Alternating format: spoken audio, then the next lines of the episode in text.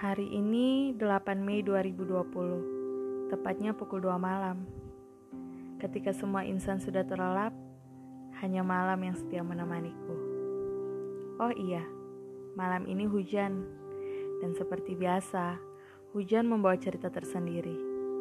Cerita tentang tapak kaki yang kita buat.